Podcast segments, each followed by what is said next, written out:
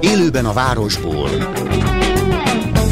Minden, ami közlekedés. Ától z autótól az ebráig.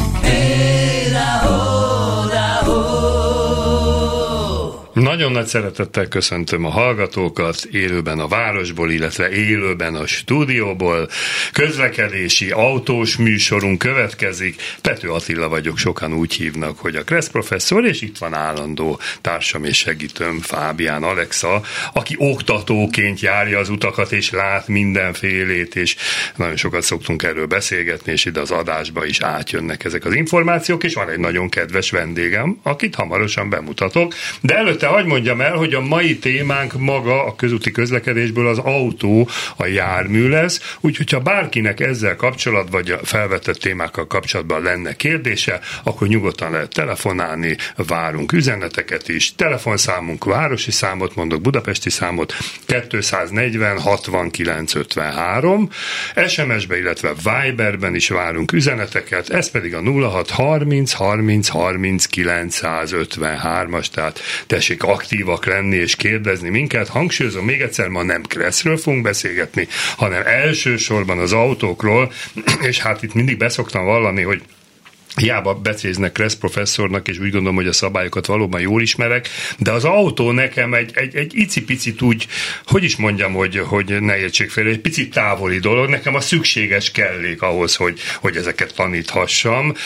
Valahogy én soha nem voltam olyan nagy autógúrú, én még talán nem is másztam soha autó alá, és szedtem szét, és raktam össze, tehát ezért érdeklődve várom én is a mai vendégünknek az evőkkel kapcsolatos eszmecserét, de előtte egy fontos bejelentés, hiszen hiszen volt múlt héten egy feladványunk, és ugye aki a, a, a feladványban a legjobb megoldást küldte el, annak értékes általamít kresszkönyvet, dedikált kresszkönyvet szoktunk adni, és érkezett egy megoldás. A feladvány, mivel a múltkori kresszes adásunkban a gyalogosokról beszéltünk, arról szólt, hogy a gyalogosok, ha nem egyedül mennek, hanem ilyen kis többet magukkal, úgy mondjuk, hogy csoportba, például kirándulnak, vagy gondoljuk egy esküvői menetre, katonákra, akkor milyen szabályok érvényesek rá, és ugye minden feladványba az kapja a jutalmat, aki a legbővebben kifejti. Úgyhogy most segít nekem Alexa elmondja, hogy hogyan kellett volna a leges legbővebben kifejteni a megoldást erre a kérdésre. Így van, köszöntöm én is a hallgatókat.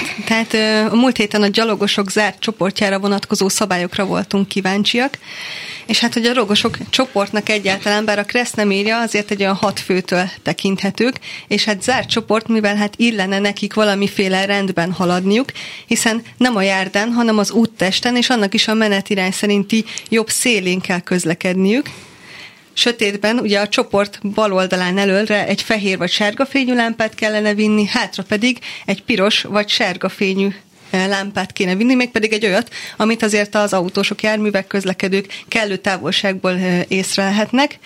Ez alól ugye kivétel, hogyha esetleg egy olyan ö, csoportot kíséri elől és hátul olyan jármű, ami megfelelően ki van világítva. Tehát tulajdonképpen nem kell a csoport minden tagjának fényvisszaverő mellényt vinnie, hanem éjszaka vagy korlátozott látási viszonyok között ilyen lámpával kivilágítják őket, vagy pedig járműkíséret biztosítja ezt a megvilágítást, illetve nem kell még akkor sem ezt a lámpás megvilágítást alkalmazni, ha például lakott területen belül jó megvilágítás mellett közlekednek.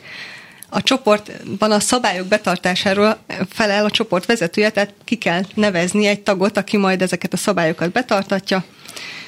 Nagyon érdekes még, hogy ütemes rendben például hídon nem haladhatnak, mert ugye hát leszakadhat akár egy híd, erről nagyon jó kis eh, YouTube videók vannak fent, úgyhogy érdemes utána nézni gyerekekre vonatkozó szabályozás, hiszen ezért a gyerekek más korosztályba tartoznak nekik, zárt csoportban a járdán kell közlekedniük, és akkor, hogyha a járdán nem tudnak, akkor ők mehetnek bizony a leállósávon, az útpatkán, a kerékpárúton, és hogyha ezek nincsenek, ők akkor kényszerülnek majd csak az úttestre az előbbi szabályok betartása mellett. Ó, nagyon szépen köszönöm. Most elképzeltem, hogy az óvodások sétálnak, nyilván ők a járdán fognak sétálni, de az ez is beugrott, hogy mondjuk egy esti esküvői menet, fényvisszaverő elterelő mellénybe végigmegy a falu kivilágítatlan utcáján, vagy ahogy a vőfény viszi a lámpát, és integet, hogy én vagyok a csoportvezető. hát a teljesen felelősségteljesek akarnak lenni. Meg ha be akarják tartani. Így van, szabályosan közlekedni. No hát ígértem, hogy van egy kedves vendégünk, és szeretném bemutatni mindenkinek, bár aki a Klubrádiót évek óta hallgatja, azért többször hallották már őt, én még nem készítettem vele riportot, Széchenyi Gábor, köszöntöm őt, mérnök úr, ezt csak azért mondom, biztos jókai regényeket olvastál, utcécák, hogy mérnök úr, gépészmérnök, hogyha jól tudom, egy pár szót mondaná magadról, hogy hogy kerültél az autózással kapcsolatban, miért a kedvenc témád az autó. Még annyit azért elmondok, hogy az autó nevezetű autós lap főszerkesztője is, tehát nem csak ismeri az autókat, hanem tud erről írni, beszámolni. Köszönöm szépen a méltatást, szervusztok, én is köszöntök mindenkit. Hogy, hogy, hogy hogyan kerültem, hát az, az gyerekkor ide, az nem ide tartozik. Igen, én autógépészmérnök vagyok, uh-huh. nem sima gépész, hanem még annak egy súlyosbított változata, autó, autókonstruktőr mérnök. Itt tanultam jelentős részben Magyarországon egy kicsit dolgoztam utána ö, autógyári, autókereskedelmi környezetben, és utána egy, egy ö, azóta is létező labban megjelent cikkem nyomán kerültem a, a mostani az autó szerkesztőségéhez. Mi voltunk korábban az Autó 2, most már lassan 25 éve dolgozom ebben a szerkesztőségben, közben a lap neve megváltozott, az is lassan már 15 éve, hogy megváltozott, azóta hívnak minket az autónak, aminek most már, hát lassan tíz éve én vagyok a főszerkesztő. Nagyon köszönöm, és akkor az autókról mindent tudsz, és hiába műsorele már is van egy üzenetünk, sőt mindjárt egy hallgatót is bekapcsolunk a vonalba, de előbb az üzenet, hiszen a feladványhoz kapcsolódik. Igen, azt kérdezte egy hallgató, hogy menetirány szerinti jobb oldalon kell csoportosan menni, nem a forgalommal szemben bal oldalon? Na és mit mondak lesz? Azt írja, gyalogosok zárt csoportja az úttesten, annak menetirány szerinti jobb szélén közlekedhetnek. Ez így van, tehát azt ajánlottuk, azt ajánlottuk múltkor is, hogy bal oldalon sétáljunk, de valóban zárt csoportban jobb oldalon, de például kerékpártolunk akkor is jobb oldalon, nyilván meg forgalomtechnikai oka van, és egy kedves hallgató a vonalban. Halló, halló! Szép jó napot kívánok, István vagyok. És Igen? Ne, nem teljesen az autóhoz köthető lenne a kérdésem, nem tudom azért föl. De tessék azért mondani. A következő, vannak ezek az úgynevezett fekvőrendőrök, vagy forgalomlassító műtárgyak, és van ez a nem klasszikus 20 centi széles és 3-4 centi magas, hanem ezek a igen, igen, jó autóméretű szélességgel és magasabb, ami valóban megfogja a forgalmat egybefüggően keresztbe az úton. Nagyon sok helyen találkoztam olyannal, hogy ezek vagy iskolák előtti részen, uh-huh. vagy kórháznál, vagy ilyen frekventált helyen vannak kirakva, ugyanakkor nem jelzi őket tábla, ugye ezek a uh, talpára állított háromszögek vannak felfestve messziről, láthatóvá téve őket az autósoknak, ugyanakkor a gyalogosok úgy rohangálnak rajta keresztül, mintha nekik lenne elsőbség. Uh-huh, uh-huh. A kérdés ehhez kötődik, hogy nekik van elsőbségük, uh-huh. vagy, vagy hogy működik ez. Jó. Természetesen az ember figyel rájuk, és lassít és megáll, ha úgy van, csak hogy ez minek minősül. Gondolom nem gyalogátkelő helynek. Köszönjük a kérdést. Egyébként javaslom érdemes visszahallgatni a múlt heti adásunkat, mert pont ez volt a téma a gyalogosok közlekedése, és ott is megemlítettük, hogy ezek a fekvő rendőrök nem minősülnek gyalogátkelőhelynek, tehát a gyalogosnak nincs elsőbsége, de hogy Gábor sem maradjon munkanélkül, egy autó mit szól a fekvő rendőrökhöz? Most egy kicsit technikailag beszélj erről. Hát, nem tudom, hogy a kedves betelefonálót ez igazából érdekli de hát az autó elviseli a fekvőrendőrt, uh-huh. hiszen úgy konstruálták, hogy a negatív fekvőrendőröket is elviselje, ugye mindegy, hogy hepe vagy hupa, a futóműnek ezt bírnia kell. Csak az jutott eszembe, hogy én magam is láttam már autót felakadni fekvőrendőről. Oh. Például nagyon drága, Alacsony nagyon sérülékeny sportautókat, igen, és vannak olyan sportautómárkák, akiknek éppen ezért van gomba műszerfalon, vagy most már a kilapozhatós menüben olyan menüpont, ami két-három centivel megemeli a sok millió dolláros sportautót, uh-huh, hogy uh-huh. A, a monakói kikötőben ne akadjon fel a tulajdon. Mert monakói kikötőben is van valószínűleg fekvőrendőr, ugye? Nem nagyon hiszem.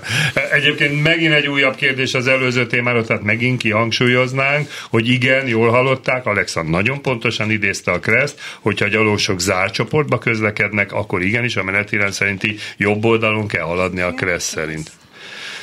Jó, tehát a szóló gyalogosoknak kell baloldalon közlekedni, ezt hangsúlyoznám ki, de ha csoportosan megyünk, hasonló, mint egy jármű, hiszen nagyobb szélességet veszel az útból, veszélyesebb lehet a szembejövőkre. Gondolom ezért van ez a szabály.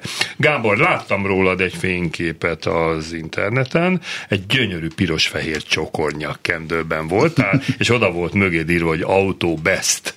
Hogy ez micsoda? Mesész nekünk erről? I- igen, már többször beszélgettünk erről, de újszülöttnek minden viccúja, hogy veled beszélgettük itt az adás előtt. Ez egy zsűri, egy szakmai autós újságírói zsűri, uh-huh. nemzetközi, Igen. európai. És te tagja vagy, ugye egyedüli magyarként, ez igaz? Igen, én vagyok a Gratulálok. magyar, de 32-en vagyunk összesen, 32 európai országból. A 32-ből látszik, hogy az EU-n kívülről is vannak tagok, van török tagunk, van macedón, uh-huh. van ciprusi, bár Ciprus éppen EU. Ö, igen, tehát ez egy nemzetközi zsűri, és ahogy említetted, ö, minden országot ö, egy zsűritag képvisel, tehát én vagyok a, a magyar, uh-huh. és még 32-en képviseljük a, a, a 32 országot. Épp úgy vannak benne kelet-európaiak, mint nyugat-európaiak. Ez nem volt mindig így. Ez egy kifejezetten kelet-európai díjnak indult 2000-ben, uh-huh. hat országgal összesen, és folyamatosan bővült, bővült, bővült. Magyarország 2007-ben került bele, én magam az akkori zsűritag önkéntes visszavonulásával egyébként nagyon kedves módon engem jelölt meg többek között utódjaként, így lettem én 2015-ben a, a magyar zsűritag, és aztán 2016-ban bővült ki a zsűri sok nyugat-európai taggal, akkor lettünk egy lépésben először 26-an, és ö, tavaly előtt talán Luxemburg belépésével lettünk 32-en. Ez egy kifejezetten árérték arányú díj, uh-huh.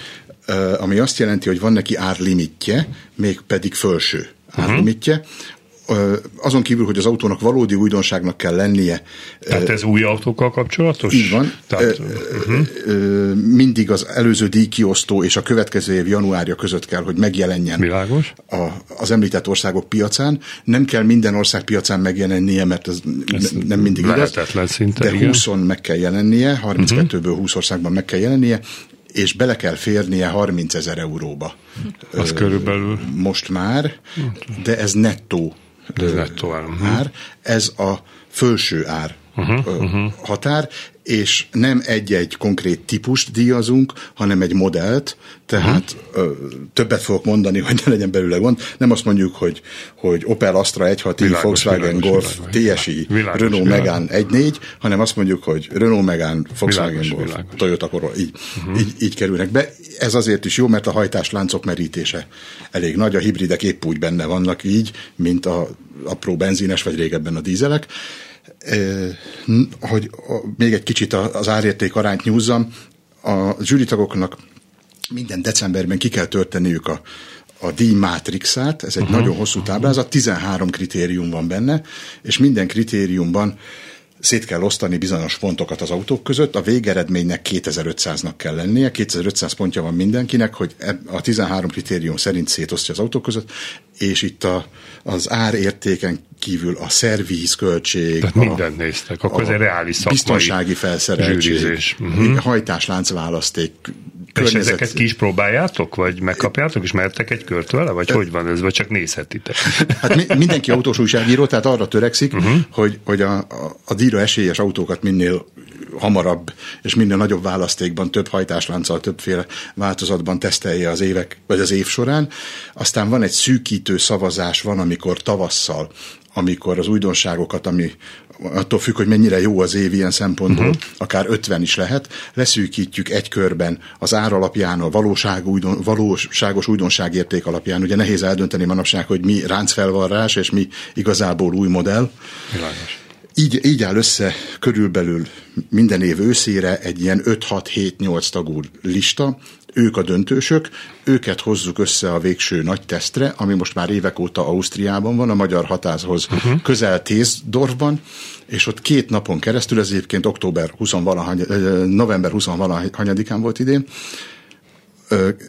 két napon át ezeket az autókat, csak a döntősöket mindenféle változatukban teszteljük közúton és zárt pályán is, egy vezetéstechnikai pályán. Ezután mindenki Fábián Lacinak tetsző módon, ugye a korábbi műsorvezetőnek tetsző módon meditációs elvonulásra Aha. elvonul és a táblázattal, és idén december 7-én kellett leadnia mindenkinek a táblázatát a pontokkal, ezek már beérkeztek, szerettem volna végeredményt is hirdetni, mert nincs. napokon belül meg lesz a végeredmény, de még nincs végeredménye, de azért gyorsan elmondom az idei döntősöket is, mert így most arról beszélünk, hogy olyasmiről beszélünk, amit a hallgató Igen? nem tud. Idén négyen kerültek a, uh-huh. a döntőbe.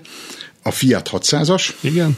a Jeep Avenger, uh-huh. a Hyundai Kona, és a díj történetében először egy kínai, a BID magyarosan, BID, de ugye a, ők az angolos ejtésmódot használják, BYD, BYD, uh-huh. Dolphin nevű kompakt. És ezt elmondhatod, hogy te melyikre szavaztál? Nem, nem mondhatom. Nem mondta Odekár. Egyébként ez a BID, ez nekem is furcsa voltál. Hát az embernek meg kell szokni ezeket az új márkákat, soha nem hallottam róla. Van egy hallgató a vonalba. Jó napot kívánok, Károly vagyok. Két dolgot szeretnék mondani. Az első az egy érdekes kérdés, hogy hogyan aránylik a figyelem elvonás és a, az érintőképernyős műszerfal. Mert ugye a telefonomat nem tarthatom kézben, hogy nehogy probléma legyen, de amikor elkezdem nézni a digitális műszerfalat és állítani ezt a azt, akkor ugyanaz. Nem tudom, hogy hogy jött össze ez a dolog. Köszönjük szépen a kérdést. Én előbb azért a Kreszből idéznék, ahol továbbra is szerepel az a mondat, hogy most már majdnem 20 éve, hogy menet közben kézben tartott mobiltelefon nem szabad használni, de én már minden tanfolyamon úgy tanítom, hogy ezt kiterjesztően kell alkalmazni. Ami azt jelenti, hogy gyakorlatilag nem csak a mobiltelefonra vonatkozik ez az úgymond taperolás. Hál' Istennek az van a szabályban, hogy használni, alkalmazni, tehát nem az, hogy beszélni, tehát az, hogy nyomogatunk, meg egyebet csinálunk, gyakorlatilag a szabály azt is tiltja, de mint mondtam, én kiterjesztően kezelem ezt a tanítás során, tehát én elmondom, hogy a kocsiba beépített érintőképernyők használata menet közben szintén nem ajánlott, sőt az én autóm, hozzányúlok ki is írja, hogy megy a kocsi, biztos, hogy tapizni akarsz. Gábor, ez a jövő, úgyis ma az autókról, meg a jövő autójáról is fogunk beszélni, gondolom egyre több ilyet látsz te is. Emlékszel még talán a 1002-es Lada Zsiguli műszer falára, hogy ott alig volt valami. Igen, igen, hogy, hogy, hogy mit látsz ebben a tendenciában? Érdekes, azon gondolkodom, hogy, hogy svédek voltak-e, norvégok vagy dánok, azt, azt tudom, hogy, hogy valamelyik skandináv szerkesztőség csinálta körülbelül egy évvel ezelőtt, éppen ezt a, az összehasonlító tesztet. Uh-huh. Fogtak egy viszonylag sok 10-12 érintőképernyős mai autót, és egy öreg, talán S60-as Volvo-t. Uh-huh.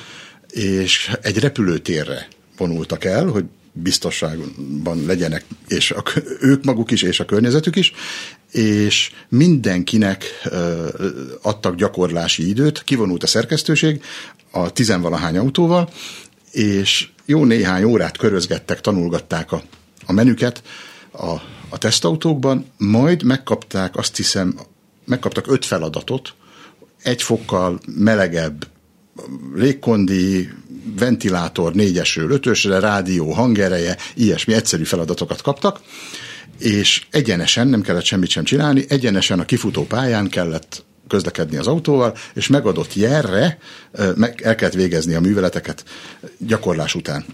É, Milyen egy... sebességgel mentek? Azt lehet 110 110 Ezért lehettek svédek talán. Ja, talán, igen, igen. Náluk a 110 a, a legnagyobb.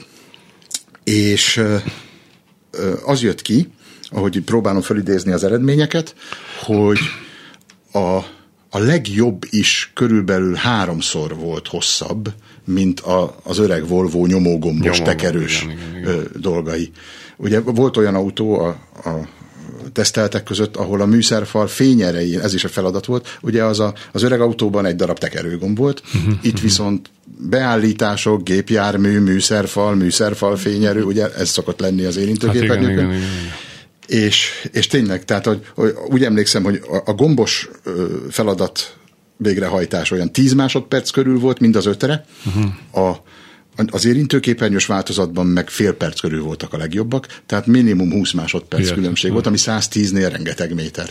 Igen, múltkor én is megjártam, mert a le, első hó, amikor leesett Budafokon az emelkedőn, próbáltam fölmenni, és hát persze az én autómon van kipörgés, gátló, és hiába nyomtam a gázt, még a motor sem ment, nem ment, és akkor a kollégák utólag mondták, miért nem kapcsoltam ki? Hát mondom, mire az menüben megkeresem az emelkedőn, hogy hol kell kikapcsolni, na mindegy, azért fölértem. A másik érdekes megfigyelés, múltkor épp Alexa mellé beültem, ment egy tanulói, és jobb oldalról a, a, megpróbáltam a, a gyári GPS-be beütni, hogy hova megyünk az utca nevet. Hát a, a, az utcákon, ahogy megy az autó, el se találtam a betűket. Na most utasként hangsúlyozom, azért ez vezetőként sokkal veszélyesebb. Ezzel szemben olvastam egy statisztikát, hogy a magyar autók átlag életkora 16 év akkor most jogos erről beszélni, hogy milyen a jelen autója, meg milyen a jövő autója? Hogy lesz ez az átalakulás? Nem ilyen robbanásszerűen, egyszer csak most már mindenki ki fogja cserélni, mert tényleg annyira jók ezek a biztonsági megvezetés támogató eszközök, hogy előbb-utóbb csak vágyunk erre, hogy hú, de jó lenne ilyet használni. Hát bár csak műszaki kérdés lenne. Bár csak műszaki kérdés lenne ez. Ez nem műszaki kérdés, ez gazdasági kérdés. Uh-huh. Mindenki boldogan kicserélni. De egyébként az érintőképernyő szerintem eh, Jolly Joker az autóiparnak, uh-huh. mert hogy a, az okos telefonok miatt a, a legtöbb ember hozzászokott, nem idegenkedik tőle, ügyesen kezeli, vagy legalábbis nem probléma a kezelése, uh-huh. jól néz ki, modernséget sugároz, és jelentősen olcsóbb, mint 24-35 gomb.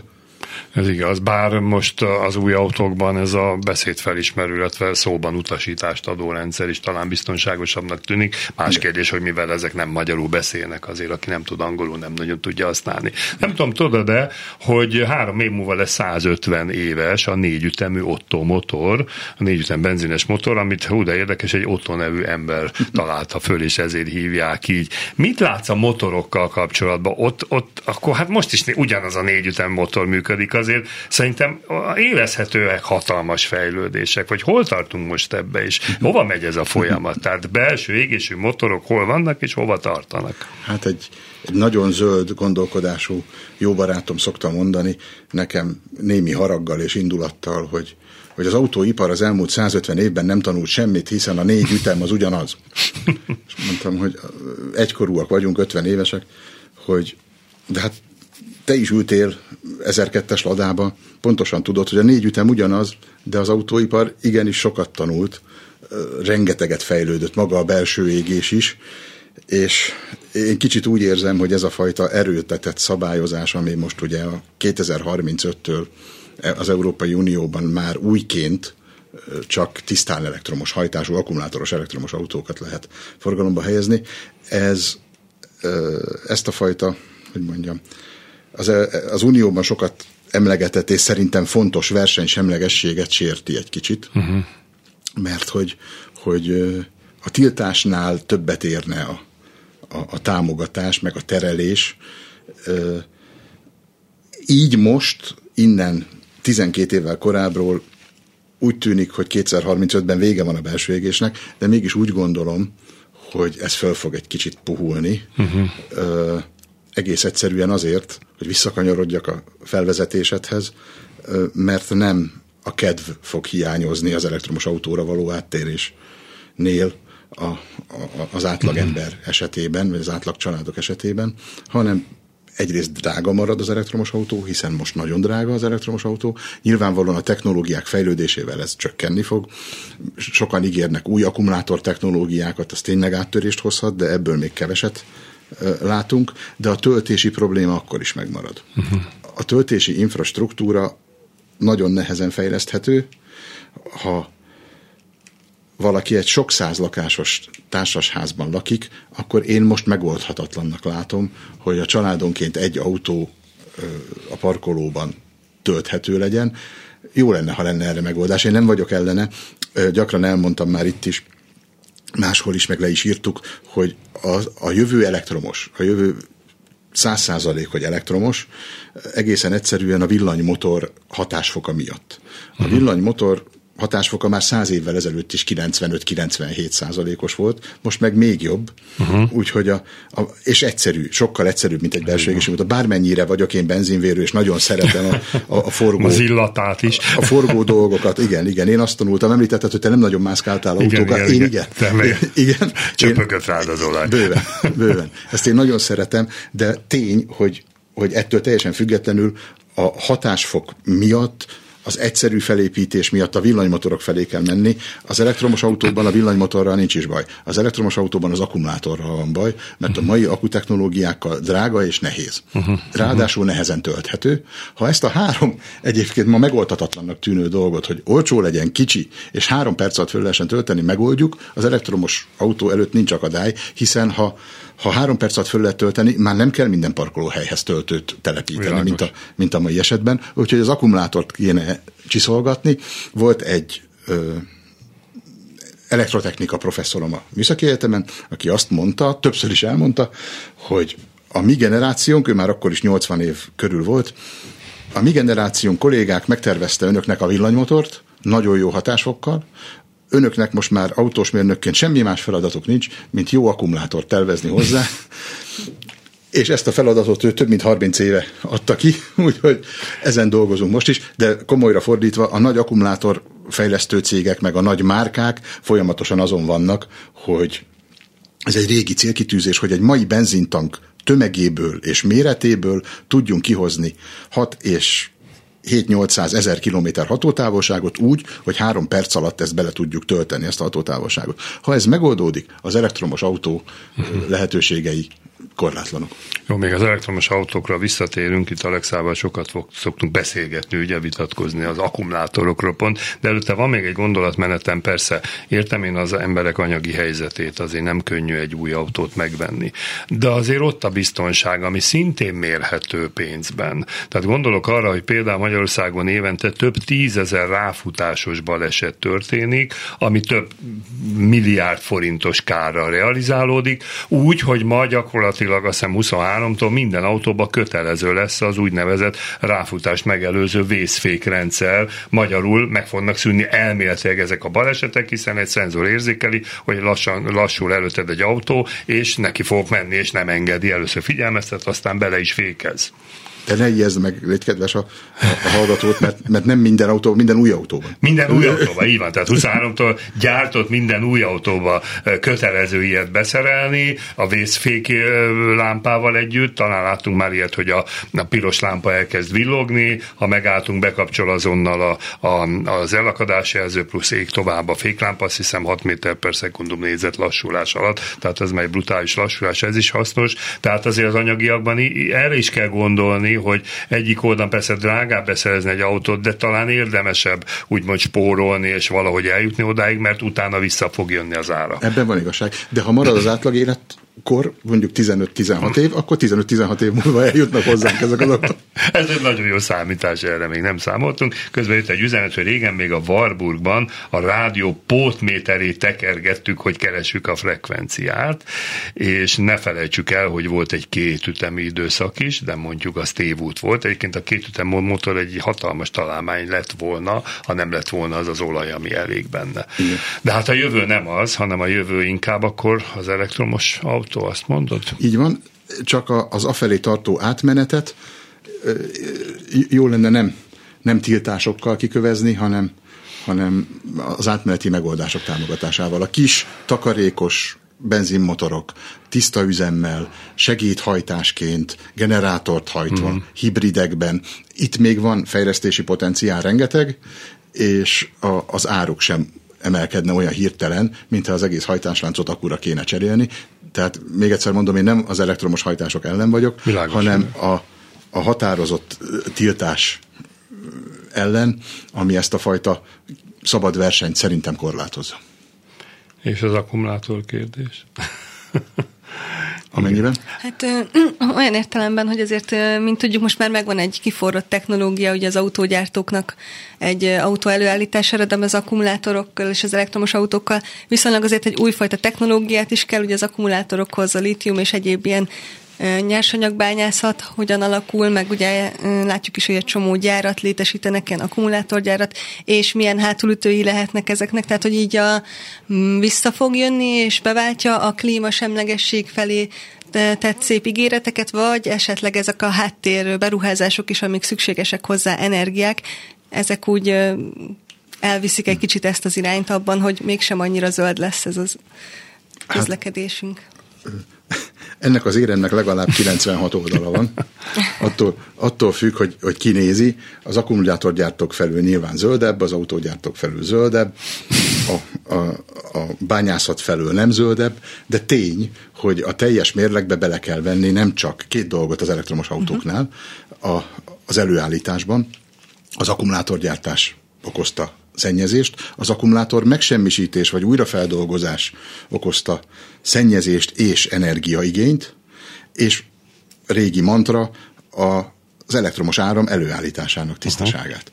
Ha ezt mind belevesszük, akkor bonyolult, bonyolult a kérdés, mert egyre inkább fölmerül, hogy oké, okay, elkészítettük az akkumulátorokat, kibányáztok a ritka földfémeket úgy, ahogy kibányáztuk, aminek egyébként jelentős részben ugye kínai a tulajdonosa már, hiszen itt is beszélgettük talán korábban, hogy, hogy a lítium bányák, ami a lítium-ionos uh-huh. akkumulátorokhoz ugye alapvető ritka földfém, jelentős része már évek óta kínai tulajdonban van, annak ellenére, hogy egy részük Afrikában, egy részük pedig Dél-Amerikában található. Tehát a kínai autógyártók nagyon ügyesen fölkészültek arra, hogy bányatulajdon jogokat vásároljanak ritka földfém bányákban. Ez egy kicsit bonyolítja, de ez inkább piaci szempontból bonyolítja.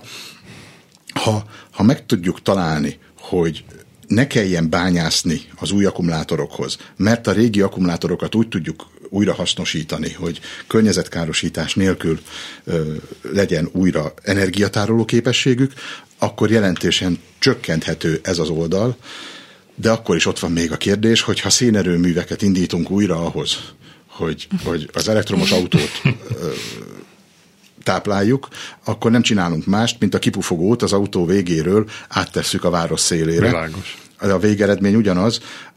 Aki ellenérvként, aki ellenérveket hoz fel ez ellen, az azt szokta általában mondani, és egyébként igaza van, hogy már az eredmény, hogyha az autóink a város szélén büdösek, és nem a város közepén, tehát ha a városközpontok ettől tisztulnak az eredmény, a kérdés az meg tényleg csak a szemléletmódtól, meg az elemzés módjától függ, hogy a város szélén több jön neki, mint a városban jön neki, hogyha ez kismotor, erre én őszintén nem tudom a választ.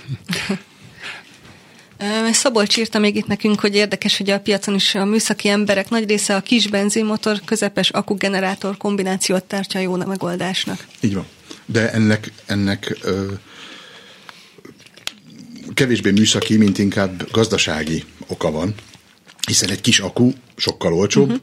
egy, egy kis benzinmotor ma már nagyon olcsó, úgyhogy ha, ha ezt a, a kombót, kombinációt jól rakjuk össze, akkor össze tudunk hozni akár 50-60 kilométert teljesen emissziómentesen, tehát uh-huh. tényleg nem pufog ki semmit, és a maradék kilométereken viszont nem lesz töltési gondja a, a használónak, tehát el lehet menni a nagyihoz ezzel az autóval, aki 120 kilométerre lakik, anélkül, hogy, hogy mondjuk 120 kilométert sokkal el lehet menni, 240 kilométerre lakik, anélkül, hogy több órát kellene a, a töltőn tölteni. Erre ráadásul megvan a technológia, erre beállt már az autóipar. Uh-huh. Az ilyen fajta irányváltás szerintem is üdvözlendő. Én csak úgy tudom, hogy itt is egy gyártó eléggé uralja ezt a hibrid piacot, és egy talán emiatt lehet itt Azért ezek nem olyan technológiák, amiket, amiket a, a, a mai autógyártók bármelyiken ne tudna. Ne tudna megcsinálni. Egyébként Ernő még itt bedobta, hogy azért a hidrogén a megoldás sok felkiáltó jelle. A, a hidrogén nagyon jó megoldás. A hidrogén azért jó megoldás, mert bár a hidrogént is többféleképpen lehet autóhajtásra használni. Az egyik fajta az benzinmotorban égeti el. A mhm. hidrogén jól ég, talán kicsit túl jól, túl hiszen jó, a Hinden, robba, igen, Hindenburg igen. léghajót helyzetett a 30 gázra. Így van, tehát a hidrogén veszélyes, de gondolom ő nem erre gondol, hanem az üzemanyagcellára. Uh-huh. Az üzemanyagcellás autó az elektromos autó. Uh-huh. Mert hogy az üzemanyagcella egy egyszerű kémiaórai vagy fizikaórai kísérletet a víz egyenáramú elektromos bontását fordítja meg, mert ha a vizet egyenárammal bontjuk, akkor a H2O-ból az egyik elektróda mellett oxigén, a másik elektróda mellett Hidrogén. hidrogén buborog a felszínre. Igen. Ha ezt megfordítjuk, a levegőből veszünk oxigént, az autóval tartályban visszük a hidrogént, akkor ha vizet gyártunk belőle, őket összeeresztjük, akkor a kísérletet megfordítva elektromos áram keletkezik, ezzel lehet villanymotort hajtani. Ez az üzemanyagcellás hidrogénes autó, ezzel két, vagy ennek két terjedési akadálya van. Az egyik a hidrogén előállítása és tárolása, uh-huh. mert hogy a hidrogén kutakat készíteni elég drága. A másik, ami ezzel szervesen összefügg, az a, nagy, a hidrogén nagy nyomása és, és robbanékonysága. Ö, 10-20-30-on réteg kevlárból készítik a mai ilyen hmm. autóknak a 5-6 kiló hidrogén befogadására alkalmas, Nem 700 is báros hittem, hát az egyik legkeményebb műanyag tulajdonképpen. A Így van. Igen. Tartályait, uh-huh. és telerakják az autókat szenzorokkal, hogy biztosan ne szivárogjon a hidrogén, és azt is meg kell oldani, hogyha mondjuk én elutazom nyaralni, és a 40 fokban kínhagyom a hidrogénes autómat a repülőtéren, Igen. akkor ugye nő a nyomás ebben a tartályban, el kell tudni engedni. Tehát van egy csomó biztonság, biztonságtechnikai megoldás, de valóban igaza van, ha tisztán tudunk hidrogén gyártani, mondjuk úgy, hogy napenergiával bontjuk a vizet, uh-huh. majd azt a hidrogént ugye újra összerakva vízzé a levegő oxigénjével autóhajtásra használjuk. Persze kell a napenergia, tehát nem találtuk fel az örökmozgót, nem, nem annyit nyerünk Igen, vissza, igen, mint igen. amennyit belefektettünk akkor tényleg tisztán lehet hidrogént előállítani, azzal pedig elektromos áramot termelni, és villanyautót hajtani. Világos. Van egy kedves hallgató a vonalba. Halló, halló? Halló, üdvözlöm Önöket, Szüke Bálint vagyok, és örömmel hallgatom a műsort, meg üdvözlöm a szakértő urat. Ö, Nagyon korrektnek találom a részéről, hogy így, annak ellenére, hogy a hagyományos motorok szerelmese, így nem, nem húzta le a, a villanyautókat, és ezt nagyon respektálom. Uh-huh. Ö, annyi két ilyen kiigazítást ö, szeretnék tenni, mert már 16 óta így a villanyautóknak a nagy szerelmese vagyok, Na. tehát hogy így ez két ellenpólus, de tényleg így, így korrekt módon szeretném.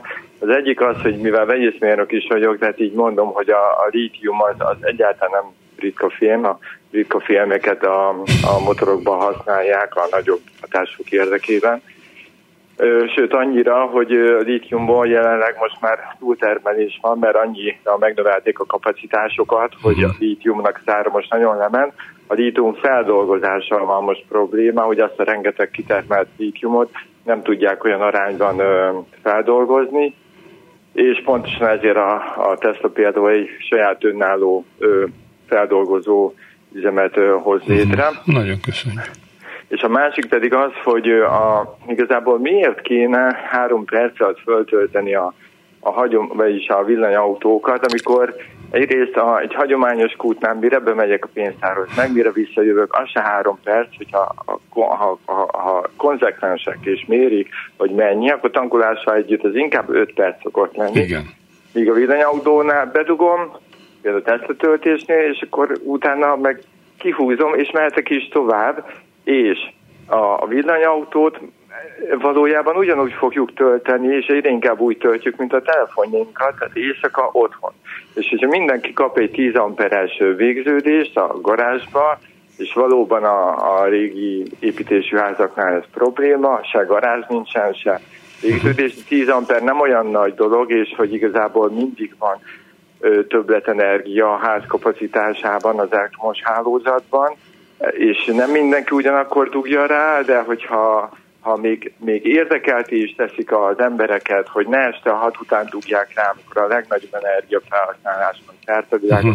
hanem mondjuk este tízkor lemegy, és akkor bedugja, vagy egyszerűen csak programozza, akkor, akkor már is ez egy megoldott probléma, és valójában a Hyundai, meg a, a, az egyéb kórai gyártók uh-huh. most már így 18 8 perc alatt föltöltenek 10-ről 80 százalékra, tehát egy hosszú távú autózásnál ez se jelent gondot, sőt sokkal inkább már panaszkodnak a villanyautósok, akiknek ilyen autóik vannak, hogy, hogy korábban még meg tudta menni egy szendvicset, el tudta menni WC-re a, a töltőállomásnál, és, és vissza tudtam ülni rendben. Most meg már annyira kell sietnem, hogy visszaérjek a töltés végeztére, hogy, hogy nagyon, mert különben büntetik pénzben, uh-huh. hogyha nem ér vissza, és már foglalja a töltőket. Tehát ezt szerettem volna Köszönjük elmondani, szépen. hogy, és még egy dolog, óriási nagy előnye van az, hogy a, a villanyautó, és ez mellesleg érintetted, és csak érintőlegesen, nem szennyez a városban. Tehát amikor a,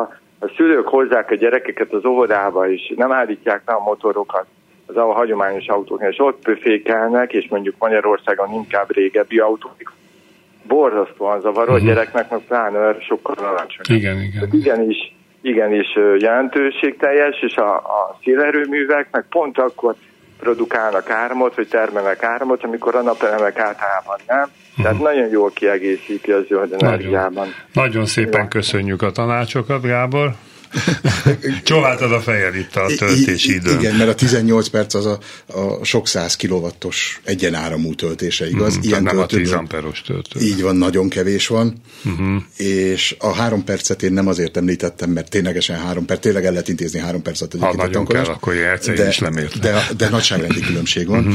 Ilyen, tehát a, a gyors töltés is 18 perc, 5 perc és 18 perc között egyrészt van különbség, másrészt rengeteg beruházást igényel egy-egy ilyen gyors töltő, és az akkumulátorok szerkezetükből adódóan nem nagyon szeretik a gyors töltést. Ja. Tehát van hőveszteség, nagy hőveszteség, és sok autómárka, vagy van olyan automárka, aki korlátozza is a gyors töltési ciklusok gyakoriságát az akkumulátor élettartalma és egészsége érdekében. Most energiáról, hajtásról beszéltünk, de mi lesz az autó többi részével? Mi lesz a sebességváltóval? Hát most volt egy sorozatom a TV csatornáján, ahol tanítottam egy hölgyet automata váltós autón, és milyen kommenteket kaptunk, hogy az automata váltó az vacak, az semmit nem ér, a manuális váltó, aki azt megérsze. Mi lesz ezzel a váltással tényleg? Te is vissza fogod sírni, majd egyszer már nem tudsz váltani? Én, én, sose sírtam vissza, én, én automata váltó kedvelő vagy. Úgy gondolom, hogy ez egy biztonsági felszerelés, mert, mert sok embernek levonja a figyelmét a sebességváltás, a problémát okoz a forgalomban. A, sőt, láttam olyan tesztet igaz évekkel ezelőtt, hogy a púzusát mérték átlagos vezetőknek a lámpától indulva, mondjuk egy kicsit emelkedőn, kéziváltóval, meg automataváltóval. Ugyanazok uh-huh. az ember, és alacsonyabb volt a pulzus szignifikánsan, mert nem félt, a, nem volt benne a druk, hogy most akkor ő lefullad, el tud-e el tud-e indulni. De hogy lesz-e kéziváltó, ez nagyon érdekes. Egy, egy japán márka bemutatóján jártam a múlt héten, ahol azt mondták, hogy ők terveznek olyan elektromos autót, amiben lesz kézi Erre fogadni mertem volna, hogy lesz erre igény. Épp most akartam mondani, hogy biztos, hogy lesz ilyen. Elvetem őt, aki azt mondja, hogy elektromos autóba váltani szeretné. Így van. Komoly? Így van. Sőt, sőt, az emlegetett érintőképernyőn mindenféle V8-as, V12-es hangokat lehet kiválasztani, ami aztán a, a rádióból szól hogy, hogy, hogy, hogy bugyorogjon neki az elektromos autó, de visszatérve a műszaki részéhez, azért kérdezted ezt gondolom, mert a mostani elektromos autókban nem, hogy automata váltó van, hanem semmilyen váltó semmilyen nincs. Váltó. Egy darab fix áttétellel hajtanak ki, és ha tolatni kell, akkor a villanymotor forgás irányát meg lehet fordítani, hátrafelé ö, forog, és úgy, úgy tolat. Ezzel egy baj van, egyrészt olcsó egyébként, és könnyű, hogyha nincs sebességváltó, de gondot okoz, mert a, az elektromos autók végsebessége korlátozott. Uh-huh. Így, és a, mert hogy túlságosan forog a villanymotor, a villanymotornak van egy fordulatszám határa, szétpörög, nem lehet a uh-huh. végtelenségig forgatni, ezért arra is kísérleteznek már, azzal is foglalkoznak már a gyártók, hogy legalább egy kétsebességes automataváltó legyen az elektromos autókba. Nem kell hozzányúlni semmit sem, ugyanúgy D-be húzzuk a, uh-huh, uh-huh. a kart, amikor indulunk, de ő maga automatán kapcsolgatni fog, úgyhogy ilyen lesz, hogy ezt kapcsolhatóvá tudjuk majd tenni, vagy fogják tenni annak, aki szeretné, az, az pusztán választás, választás kérdése. Azt egyébként nem tudom, mert nem árulta el ez az emlegetett márka, hogy ez a, a kéziváltós dolog, ez játék, tehát, vagy csinál is valamit. Igen, vagy igen. Én kicsit gyanítom, hogy, igazá, hogy igazából nem csinál ö, ö, semmit. Igen, van közben egy technikai kérdésünk. Így van, István kérdezte, balesetmentes szép napot kívánok. Autóhoz kapcsolódóan, hogy első tompított, illetve távolsági fényszóróban használható-e ledes lámpa, nem mint menetfény? Na, ez már műszaki téma, vagy műszaki jogi téma, ugye? Tehát jelen pillanatban csak engedélyszámmal rendelkező lámpatestek használhatók, és egyre több helyen látok, hogy a hagyományos izzóban ledes megoldást tesznek. Elméletileg ez használható, de hogyha betesszük, akkor azért vizsgáltassuk meg azt, hogy valóban a, a fénysugár, a tompított fényszórónál oda megy, ahova kell. Még egy kérdését, azt lehet tudni, hogy mennyi dízelolajat használunk el ezeknek a fémeknek a kitermeléséhez, amik el egy kis autó aksihoz a hatalmas bányászgépekkel, múltkor is láttam egy ilyen bányagépet, a kereke nagyobb volt, mint én állva, biztos sokat fogyasztanak. Hát nem tudjuk, nem tudjuk, de kell nem. hozzá. Tehát valóban az akkumulátor technikának ez a másik rák hát felé, ez arra... hogy, hogy valamit valamiért, ahogy ezt elmondta. Így van, ez, így van, ez, ez arra mutat, hogy, hogy minél nagyobb a merítés. Hogyha belevesszük a, a bányász munkába ingázásának szennyezését is, vagy a munkaruha mosását is, akkor ugye ez csak attól függ, hogy hol húzzuk meg a határon. Nyilvánvaló, így van. Most beszélünk motorról, váltóról, Gumiabroncsok, kerekek. Most én beszéltem egy barátommal, most cserélt autójára gumit, és mondta, hogy kínai gumit vett, így meg is lepődtem, nem is hallottam még kínai gumira. Szóval de már van. Változik ott valami szerinted? Rengeteget fejlődik a, a, a gumitechnológia, mert hogy az autó fogyasztását a gördülési ellenállás is okozza. Ugye a, a gördülési ellenállás nem nő annyira, mint ugye négyzetesen a légellenállás uh-huh. a sebesség növekedésével, de arra törekszenek a gumigyártók, hogy minél kisebb gördülési ellenállású kerekeket készítsenek. Van, van olyan ajánlás már, ami kifejezetten elektromos autókra való, hiszen létező dolog, bár itt nem említettük, a, a hatótáv félelem, ugye a, a mhm, range mhm. anxiety, igen, igen, igen. A, mert hogy a, a hatótáv kijelzőn, pláne hogyha téli üzemben használjuk a tisztán elektromos autónkat, előfordul, hogy a, a valós megtett távnál jelentősen jobban, határozottabban csökken a, a megtehető táv, hogy az emlegetett százalékokat mindenhol megkeressék a, a gyártók, hát ide is fordulnak, és a, a gumigyártók erre rárepülve egyre, egyre kisebb gördülési ellenállású kerekeket készítenek, amivel ugye az a mérnöki feladat, hogy azzal, hogy csökken a gördülési ellenállás a keréknek, ne romoljon a tapadás, ne nőjön a fékút, ne romoljon a stabilitás, a irányíthatóság. És a levegő nélküli gumiabroncs egy időben ez téma volt, ilyen gumilaminált elemekkel próbálták létrehozni. Tehát az valahol láttam már valóságban esetleg ilyet? Nem, nem láttam még én is csak azokat a, uh-huh. a próbadó. Arról én úgy tudom, de lehet, hogy rosszul tudom, hogy az egy katonai megoldásból jött, mint egy oh. csomó ilyen megoldás, ugye amikor nem tudják megoldani, hogy, hogy a kereket ki tudják cserélni uh-huh. harci helyzetben, és abból próbáltak közúti megoldást faragni. Gábor, játszunk egyet, találjuk ki, képzeljük el, húsz év múlva meghívlak adásba, Bárcsak.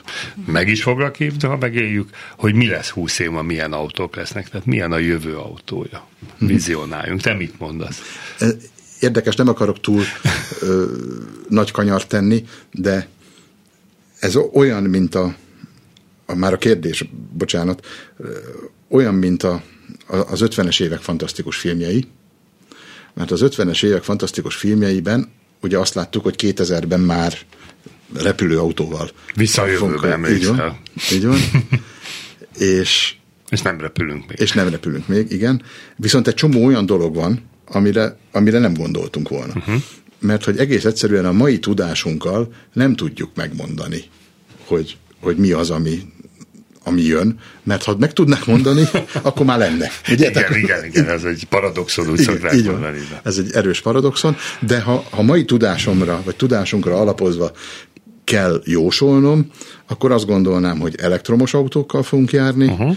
Valamiféle... Komputer fullba benne, nem? Komputervezérlés, komputer De irányítás. nyilvánvalóan nem tudom, hogy az önvezetés hol fog tartani, uh-huh. mert az önvezetés, bár itt arról nem beszéltünk, tehát amikor beülünk és megmondjuk az autónak, hogy hova menjen, és ő oda visz minket, az rendkívül kényelmes, de amíg egy autó is van az úton, ami nem önvezető, addig, addig az addig egy baj van. erős hiba százalék a rendszerben. Hmm. Nem tudom, hogy az hogy fog terjedni, de úgy gondolom, hogy a, az önvezetés felé mutató megoldások, az emlegetett sávtartó, meg sebesség, ezek, ezek általános válnak, és szerintem az autók zöme tisztán elektromos lesz, valami olyan akkumulátorral, ami tudja az előbb emlegetett kritériumokat, de szerintem még használt piacon pláne, de még mindig lesznek kis benzines motor kisebb akkumulátor, hibrid hajtásláncú. Na visszatérünk erre 20 év múlva. Egyébként nagyon könnyű kérdést tettem föl, mert azt kérdeztem volna, milyen, milyen lesz 20 év múlva a magyar utak állapota. Arra mit mondanál? Hát ha repülőautó, akkor nem fog számítani. akkor nem fog számítani. Hát az autó is egy olyan örök téma, hogy millió dolgot lehetne még beszélni róla. Nem tudom, vannak-e még kérdéseink üzenetben? Hát itt írta valaki nekünk, hogy a társasház közös áramról tölt, és akkor azért megoldandó, hogy a töltésre fordított áramdíját csak a tulaj fizesse, és ne a közösség. Hát ez, ez, egy, ez egy azért kezelhető probléma. Igen, Illetve még bennem azt merült fel, hogy ha így haladunk, és az önvezetés felé és a vezetés támogató rendszerek felé megyünk, akkor nyilvánvalóan mondjuk, hogyha ezek meghibásodása által valami például baleset okozódik, akkor ennek a felelőssége vajon majd kit fog terhelni, mert ugye ez is majd egy jogilag megoldandó kérdés lesz. Így, így van, ezért nem terjednek a kísérleti megoldások Európában, mert az európai jog másképpen viszonyul hozzá, mint az Egyesült Államok joga. Ott egy csomó nyugati államban már ö, könnyebben bevezethető az önvezetés. Vannak is ö, Nevadában, talán Arizonában ö, futárcégek, amik önvezető, teljesen önvezető autókkal szállítanak ki például pizzát, de úgy tudom, mm. hogy taxitársaságok is működnek igen, már. Igen. Na hát kíváncsi vagyunk erre. A műsor végére érünk lassan. Uh, hát persze Slágeres Zoli bejelentkezett, hol van mhm. éppen? Igen, sziasztok, szia Alexa, hello prof, üdv a vendégnek, Würzburg környékéről kívánok mindenkinek szép szerda délután slágeres Zoli, illetve Szalkai Péter is bejelentkezett, ő is üdvözöl mindannyiunkat, úgyhogy köszönjük szépen. És ha már feladvány, minden műsor végén lehet egy, egy könyvet ajándékba kapni, egy kis műszak, itt eh, hallgatólagosan megemlítettük, vagy hozzávetőlegesen az ABS-t és az ESP-t, ezt a két szót. Arra vagyok kíváncsi, és aki legbővebben leírja, az kapja meg ezt a könyvet, hogy igazán mi ez az ABS, mi ez az ESP, hogy működik, hogyan viselkedik. Eh, kíváncsi vagyok, hogy erre milyen megoldások lesznek. A megfejtés meglepetéseket az élőben kukaszklubrádió.hu címre kell elküldeni. Hát Gábor, nagyon-nagyon köszönöm, hogy eljöttél. Én is Megint köszönöm. üresnek érzem a, a napot, mert még, még 60 millió kérdésem lenne a témába, meg szerintem autózásról azt mondtuk, hogy egy tonnányit tudnánk beszélni. Bármikor Három napig egyfolytában. Azért most magam előtt elképzeltelek, hogy fekszel az autó előtt, csöpög rá az olaj, érzed azt az illatot, és majd 20 év arra gondolsz, hogy hol van már ez az emlékem itt az elektromos autó korába, amikor csak be kell dugni a konnektorba, és a kávémat se tudom meginni, és már tudok tovább menni. Attól tartok, hogy én leszek a bolond öreg ember az utcában, az öreg autóival. Úgyhogy nagyon-nagyon szépen köszönöm, én hogy itt köszönöm voltál. A köszönöm Alexának is a segítséget, az értékes kérdéseket. Jövő héten, 20-án egzotikus országok közlekedéséről fogunk beszélni. Voltunk Dubajba. Ha minden igaz, be fog jelentkezni Fábián Laci Nepából, és egy kedves hallgató jelezte, hogy a dél-koreai közlekedés közlekedésről is szól. Sőt, ha hallgass Lágerre Zoli, keressen engem, mert őt is beszeretném pár percig kapcsolni, ha valami egzotikus helyen lehet, meséljen már a leg különlegesebb kalandjairól, hogy kamionba mi is történt. Úgyhogy köszönöm még egyszer, hogy itt voltál. Köszönöm, köszönöm a segítséget mindenkinek. További jó hallgatást a viszonthallásra.